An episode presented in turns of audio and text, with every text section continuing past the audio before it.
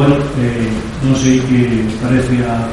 A vos, a min, a, a, da verdad, que me causou xunto unha fonda emoción eh, me plantexa unha serie de, de cuestións sobre a sociedade civil española e a resposta que estamos dando a un problema como este. Bueno, non me quero estender máis, aquí te dois ao protagonista, a él, e podedes dirixir todas as, peli, as preguntas que consideredes oportunas, facerlle todo tipo de... Pero está aquí para eso, para defender unha película que para min se defende sola, porque a verdad que é soberbia, na miña opinión. Cando querades... Bueno, ya, ya que da miedo preguntar. Solo para contextualizar un poco alguna cosa, eh, yo soy de Astorga, entonces, bueno, hacer la película no es fácil, digamos, porque estás en un pueblo y ya sabemos lo que pasa en los pueblos, ¿no? Y, precisamente el hecho de no recordar tiene mucho que ver con la antropología y la sociología, digamos, de los pueblos españoles y de las ciudades españolas. De hecho, ahora hay bastantes investigaciones en, en ese sentido de intentar entender la no memoria por la propia lógica de los pueblos, donde conviven personas asesinados con perpetradores, asesinos con asesinados. Y es una cosa que sorprende a cualquiera, ¿no? porque en Camboya los familiares de los asesinados no están felices en el mismo bar con los asesinos. En cambio en España sí. Somos el único país del mundo prácticamente en el que se puede estar tomando una caña el, nieto de un asesinado con el nieto de un perpetrador y no pasa nada. Entonces, bueno, todo eso plantea una serie de preguntas y, bueno, aquí lo que ha salido y la gente que ha aparecido, pues plantean una serie de respuestas, ¿no? Yo no estoy de acuerdo con todas, pero bueno, esta era la historia que había que contar. Por ejemplo, la Asociación de la Memoria Histórica pues, bueno, siempre ha construido esta narrativa de que son ellos los que han hecho la primera sumación, etcétera, ¿no? Realmente las primeras sumaciones las hizo el franquismo. Eh, que desde 1936 empieza a hacer sumaciones a sus propios muertos, a conmemorarlos y a monumentalizarlos. El Valle de los Caídos se movieron, hubo un trasiego de cuerpos hasta que Felipe González en el 82 lo para, eh, unos 6.000 cuerpos de, todo, de republicanos, de, franquistas, iban todos para allá. Incluso republicanos están enterrados en el Valle de los Caídos. Entonces digamos que esto ha sido un trajín de cuerpos, un ir y venir de huesos y cráneos por todas partes desde hace 70, 80 años y ahora lo que hay es un caos. De hecho, las, todas las excavaciones de los 80, como no había posibilidad de identificación genética ni arqueológica, se, hacían bolsas enormes y se enterraba todo el mundo junto. ¿no? Entonces, bueno, pero más allá del problema, digamos, científico, ¿no? que a veces se ha creado como esta narrativa de que lo más importante es recuperar los cuerpos y hacerlo todo bien, etcétera, a mí eso no es lo que me interesa. Es decir, eso es, digamos, la parte objetiva, ¿no? Al final de cuentas, si tu única preocupación es el objetivo científico de que todos los cuerpos estén bien ordenados, etcétera, etcétera, bien, entiendo que para las familias tiene que ser eso, pero aquí nos encontramos con un primer problema. A la mayor parte de las familias está igual. Y podemos hablar casi del 90-95% les da igual. Y a los que no les da igual, eh, pues tampoco es que hayan tenido una actitud pública demasiado asociativa, ni un, movimiento político que les respaldase tampoco, ¿no? porque el Partido Comunista le dio la espalda a todo esto desde un primer momento, ya que era problemático, decían ellos, empezando por Carrillo, y, y, bueno, el segundo problema que te encuentras es que qué haces, ¿no? porque a nivel profundo lo que ha ocurrido realmente es una desvinculación de, las luchas políticas y de por qué se asesinó a esas personas. Si os fijáis, en ningún momento aparece nada de por qué murieron esas personas. Se dice que pensaban, se dice que tenían sueños, pero lo que hemos perdido realmente es, la conexión con, con, qué pasó con la España esa de antes de Franco. Hubo un corte tan fuerte que la gente ahora mismo habla de, la República, pero no, no había una República cuando se excavan anarquistas y se pone la bandera de la República, se está cometiendo un error histórico y una aberración para esos anarquistas que eran antirrepublicanos. Entonces, bueno, digamos que hay toda una serie de problemáticas ¿no? que se han venido a tapar con esto de la búsqueda de los republicanos, cuando la mayor parte de esos republicanos no eran ni republicanos. ¿no? Pero como la cosa que ha venido por encima es más gorda todavía, pues bueno, digamos que se ha escondido toda esa complejidad que había ahí detrás, ¿no? Y parte de ese resultado es eh, la ingenuidad histórica y la, amnesia total en la que vive este país y que nos lleva al estado actual de cosas, ¿no? una una esfera pública mediatizada absurda prácticamente, por no decir otra cosa, teatrillos políticos, ningún, ningún tipo de profundidad en la reflexión del día a día. Y bueno, sobre todo, a mí lo que más me interesaba es bueno, intentar sacarle a los entrevistados ¿no? Eh, algo de las memorias de por qué murieron las personas que murieron, no cómo murieron ni por dónde entró la bala y por dónde salió la bala, ¿no? sino por qué murieron y qué estaban haciendo cuando, cuando murieron. ¿no? Pero eso es más complicado, ahí sí que se ha cercenado la memoria de verdad. ¿no? Entonces, una cosa que la arqueología no puede excavar son sueños, ni ideas, ni, ni tampoco cuestiones profundas ¿no? sobre el sentido último de por qué hacemos todo esto. Es decir, ¿para qué estamos excavando? ¿Para qué estamos haciendo memoria? ¿no? Eh, entonces, bueno, el propio hecho de que esta película nadie quiere saber nada, nada de ella, ni, ni, ayuntamientos supuestamente de izquierdas, el PSOE aún menos, porque para eso hizo la ley de memoria histórica, para enterrar, digamos, cualquier tipo de reivindicación política, ¿no? Eh, entonces, bueno, te das cuenta de que no sirve de nada, porque si los familiares no lo quieren hacer, eh, si los festivales de derechos humanos en España solo quieren hablar de derechos humanos de los otros, en Chile, eh, en Sáhara, en Kenia, etcétera, pero no de los de aquí, pues bueno, la verdad que se te van quitando un poco las ganas, ¿no? Así que agradezco bastante que, que, me hayáis invitado por aquí a presentar la película y bueno, espero que os animéis a preguntar alguna cosa y a charlar un poco. Antes el baile de las nueve y media, que seguro que es más alegre. ¿Qué, ¿Qué, diferencia puede haber entre Camboya y España? ¿Por qué crees que, que allí se puede tomar, allí no se puede tomar unas cañas? O un, miedo represaliado un miedo de un represor que aquí. Porque allí el conflicto, como se planteó, eh, era un conflicto étnico por la mayoría Khmer, los Khmer Rouge, Khmer es simplemente mayoría étnica Camboya, mientras que Rouge era la, los que eran rojos dentro de la mayoría étnica, ¿no? Entonces quedó muy claramente diferenciado quiénes eran quiénes dentro de, y muy marcado en sociedad, quiénes eran quiénes y quiénes habían cometido las fechorías, ¿no?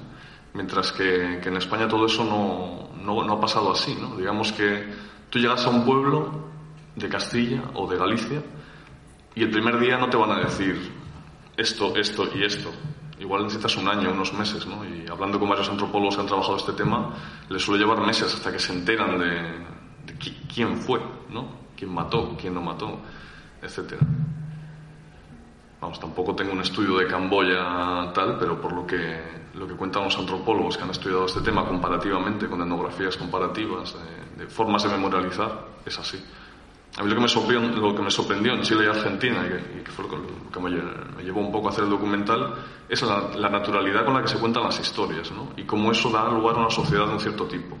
Por ejemplo, la sociedad chilena eh, tiene unos procesos de memoria que ocultan eh, por qué pasó el golpe de Estado, ¿no?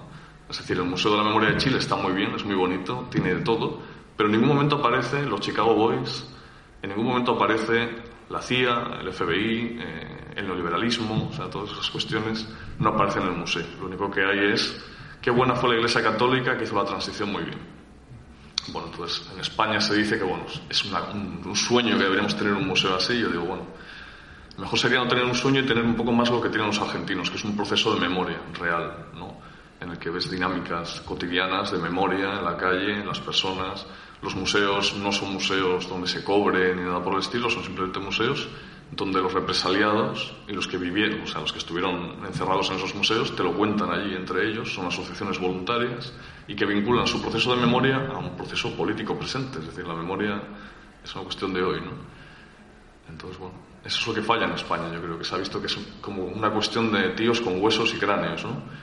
Y el fetiche y el morbo de, sacar los huesos y tal, cuando en realidad lo que deberíamos estar luchando es por, por un proceso de memoria, digamos vinculado a, algo político, pero no algo político solo en lo simbólico, es decir, algo político basado en una crítica estructural un poco de lo que, de lo que pasó y por qué pasó, ¿no? que eso es lo que no aparece en ningún, ni en mi película, y no aparece en mi película porque tendría que salir yo en voz en off contándolo, y entonces sería un poco ¿no? forzar la situación. A mí no me gusta hacer documentales así, que también es, eso, es otra decisión más cinematográfica. ¿no? Creo que las personas tienen que contar lo que pueden contar o quieren contar y yo tampoco forzar demasiado la, mi interpretación, ¿no? cada uno que saque sus conclusiones tampoco la película es objetiva, evidentemente yo entrevisté a las personas que quería entrevistar ¿no? y no, no a otras, a las que pude, a las que no pude. El documental no tiene financiación, por supuesto, y lo hice en los ratos libres. Y bueno, eso a la gente un poco le cuesta entenderlo, ¿no? Que hacer una película lleva mucho tiempo y, después, pues bueno, se te plantea, bueno, ¿y por qué no hiciste esto? ¿Por qué no hiciste aquello? Pues bueno, muchas veces es porque no tuviste tiempo realmente, ¿no? El documental bien hecho hubiese llevado a Argentina, Chile, hacer una comparativa, etcétera, ¿no? Pero bueno, esto es, esto es lo que hay. A mí me encantó también, no sé si, si entiendes ¿Cómo? ¿Entiendes galego? Sí, eh, sí. Bueno, digo que me encantó esta película y me, bueno, le agradezco mucho el esfuerzo, la verdad es que me parece una aportación importante y bueno, que, que no tiene palabras para, para agradecer, pero que me encantó. Eh, respecto a, bueno, é unha idea personal, eh, non para nada pretende ser unha hipótesis, pero eu teño así a nivel personal no vivido a impresión de que esta convivencia que hai entre, entre opresores e oprimidos, en realidad descendientes de opresores e de oprimidos, porque xa non existen esas persoas, non? Ah. Eh, en realidad está basada xusto nesa ignorancia, non? Eu eh, fui un testigo así cercano de un par de situacións onde o pasado queda desvelado e a dinámica social de relacións cambiou automáticamente. É dicir, persoas que se saludaban, convivían e tal, deixaron de convivir ou tomaron posturas diferentes. É dicir, que realmente este, tomar as cañas xuntos ten moito que ver con esa importancia. É dicir, que... Hombre, o poder de, da cultura material aí é fundamental, ¿no? porque ver os huesos eh, eso lo cuentan todos los antropólogos. Es decir, una vez que hay una excavación, eh, cambia totalmente el pueblo, porque a partir de ahí ciertas cosas que no se hablaban, o incluso familias que en la propia familia no se hablaba, ¿no? De, aparece la abuela, nunca me dijiste que habían fusilado al tío, aquel borracho loco resulta que era una persona que se había quedado sola porque habían fusilado absolutamente a todos. Entonces el loco del pueblo se convierte en el intelectual que está en casa tomando sus copas de whisky, ¿no? Entonces, bueno, la, la, gente a veces sí que le cambia un poco el chip, pero yo creo que como es una cosa que es tan, tan, tan estructural ya, la, amnesia y, la ignorancia, realmente yo creo, y esto es pesimismo pragmático, es decir, ojalá cambiase, pero ciertamente creo que no va a cambiar, es ya demasiado tarde para que, para que la gente espabile, o sea, no espabile, para que la gente tenga una conciencia estructural de eso, ¿no? Entonces, bueno, la película un poco yo también la hice porque, sinceramente, yo fui arqueólogo una temporada, ¿no? Y no sabía. O sea, yo soy de Astorga, Ponferrada está ahí al lado, no sabía el proceso, no sabía la lucha contra el marxismo, murió por, por marxismo y que eso el propio, el propio franquismo lo había, lo había estipulado y demás, ¿no? Pero bueno, a mí la verdad que me decepcionó un poco hacer el documental porque esperaba más una vinculación entre, lo, entre la entre digamos los que están luchando ahora por la memoria y lo que, por lo que se luchaba, o sea, por lo que murieron las personas que, que están buscando, ¿no? Y en realidad no, el discurso de los derechos humanos eh, ha neutralizado absolutamente todo, ¿no? Entonces ahora, digamos que el hecho de que esas personas murieran por, en la lucha contra el marxismo ahora se defiende en base a los derechos humanos y no a la reivindicación de lo que esas personas estaban luchando. No estoy diciendo que todos tengan que ser ni marxistas ni nada por el estilo, lo que sí que estoy diciendo es que hay un, corte total y que lo que se reivindica hoy es, bueno, la derecha mmm, no está a favor de los derechos humanos. Y la izquierda sí está a favor de los derechos humanos. O sea, el problema no es derechos humanos o derechos humanos, el problema es una cuestión de, lucha estructural por, ciertas cuestiones, ¿no? Y esas cuestiones ya no se tratan. Incluso a estas personas les es más fácil hablar de cadáveres, muertes, etcétera, que hablar de esas cuestiones por las que se mataron a estas personas, ¿no? Y para mí el problema de la, de la, memoria es ese otro, no es este otro. Es decir, es el olvido de las ideas y no... Porque uno lleva a otro, es decir, si tú recuerdas las ideas vas a entender por qué esas personas lo hicieron. El problema más grande que tenemos es que nadie entiende por qué esos tíos se mataron allí ¿no? a lo bestia. Porque nadie se mató tan a lo bestia como nos matamos todos aquí, ¿no? Nadie tiene una historia de guerras civiles. Inglaterra no tiene una guerra en su territorio desde 1700. Esto fue hace nada, aquí. Intentar entendernos como sociedad sin tener en cuenta todo eso es, es imposible. Y eso es lo que los partidos políticos, los científicos y los artistas españoles hacen. Ignorar que no somos un país ni moderno, ni igual a Francia. Y también un poco la película quería enfatizar eso. Somos más parecidos. Y todo el movimiento de guerra civil, franquismo y leyes de amnistía es más parecido y nos hermana con Latinoamérica mucho más que con Europa. Se dice que la ley de memoria española sigue el ejemplo alemán. No. La ley, de, memoria española lo que hace es acabar con un proceso de transición política y después todas las dictaduras latinoamericanas le siguen. Chile en el 78, después hasta Perú en el 95, por el medio tenemos Uruguay, Brasil, Argentina. Los propios militares y las dictaduras se autoamnistían y siguen el proceso de transición española. ¿Por qué? Porque fue un proceso exitoso por el cual toda la oligarquía y la, el sistema económico que estaba montado se, se, podía, hacer, podía hacer una transición a la democracia sin cambiar nada en absoluto las estructuras de, cómo funcionaba todo. ¿no? Y, del mismo modo, la guerra civil acabó y 15 años después tenemos Guatemala y Honduras, después tenemos Brasil, tenemos Nicaragua, tenemos todas las dictaduras latinoamericanas, con la diferencia de que, bueno, las dictaduras argentinas, chilena y uruguaya, ya de los años 70-80, está en otro contexto económico. Ya. Es un contexto económico en el que Estados Unidos está intentando hacer una transformación de un sistema más corporativista centralizado a un sistema neoliberal, pero en realidad el gran problema es intentar creer, creer que estos son problemas políticos, ¿no? como llegaron unos señores malos y dieron un golpe de Estado y tenemos que recordar a los otros que eran los buenos. No, esto es una dinámica estructural. Tampoco es que hubiese una gente pensante en Estados Unidos queriendo hacer todo esto pero sí que hay unas lógicas que se van viendo por detrás. Y España tuvo un papel fundamental en llevar a toda Iberoamérica, incluyendo Portugal, a una transición hacia la, supuesta democracia eh, en base a estos principios de la ley de amnistía, etcétera, etcétera. Es decir, se equiparó amnistía con reparación moral. Y eso lo siguió toda Latinoamérica. Y como somos sociedades muy parecidas en términos de cómo pensamos, del catolicismo que llevamos dentro y demás, pues funcionó. Y bueno, como funcionó la ley de memoria histórica del 2006, lo que intentaba era continuar toda esa trayectoria y zanjar toda la polémica.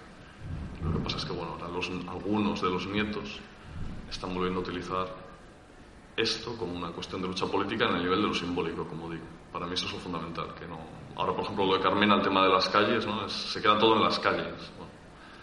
Pero si te pones a pensar en quién mató gente, pues bueno, habría que quitar todas las estatuas de todos los reyes españoles y todos los Hernán Corteses y demás. O sea, que, llegaríamos a un absurdo que no, no tendría fin. ¿no? También habría que quitar las estatuas romanas, etc.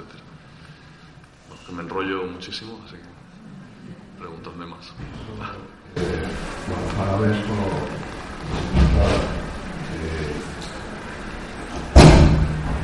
lo que decía antes aquí, creo que a estas alturas, o sea, a las alturas de lo que decimos, a las alturas de, de moito atrás, xa, xa, xa non me esculpo ou ni quero esculpar a ignorancia da, da poboación do povo español a mí eso xa non me vale.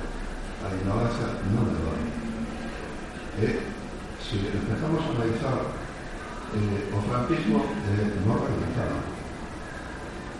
Non realizaba. Temos que pensar eso. Eh, adeptos ao franquismo da población española tanto será para mí a inmensa maioría tanta oposición ao, ao, fascismo eh, eh, e ao franquismo houve de España. Unha oposición mínima. Quero decir que cando o Frankino non estaba máis eh, sanguinario, non? foi despois da guerra civil. Que oposición había? Ninguna. Era unha oposición mínima.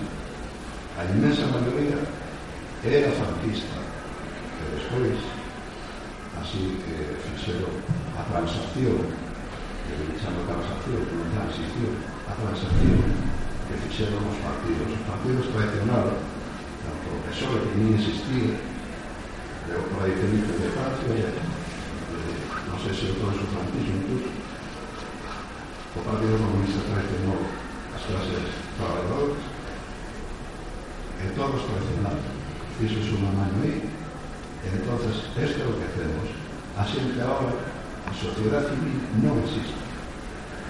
como existe pues, en las Aquí no es sociedad.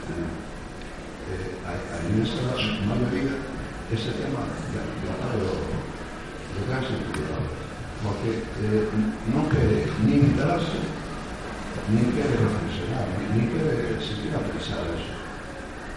Entonces a mí eso de que é eh, ignorancia do todo cando vas por aí a pueblos e tuve esa experiencia pero tuve dar outros aspectos. Cando falas na xente claro eh, bien que chove, tiene que no para solo. Pero no, no quieren entrar en ese tema. ¿Por qué? Porque la sociedad civil, la transición, la transacción, eh, quitó todo eso, estaba en un sistema oligarquía de partidos. Entonces. Esto é o que temos.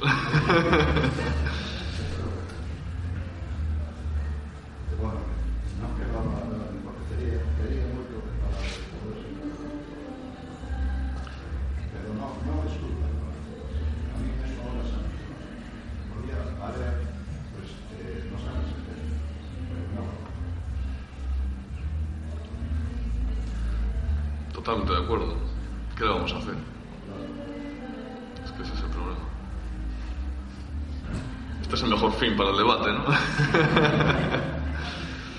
Bueno, antes, antes de rematar, antes de rematar quería eh, de justicia decir que eh, Pablo mencionaba que hai concellos que non colaboraron aquí, o noso concello está o Concelleiro de Cultura aquí presente, é dicir que están prestando, estamos facendo acto aquí que non deixa de ser un local municipal e tamén está o noso alcalde, é dicir que sí que eh, a pesar de que a Asociación Cultural Imán Suárez Picallo asumiu a organización do acto gracias sobre todo a, a, a Pablo, senón non sería posible isto eh, o Concello desde o principio se mostrou aberto a, a difusión de, ademais convencidos de que a difusión dun documental como este é fundamental para entender un período tan triste e tan nosiento da nosa historia. Nada máis, gracias por todo. Eh? Hasta logo.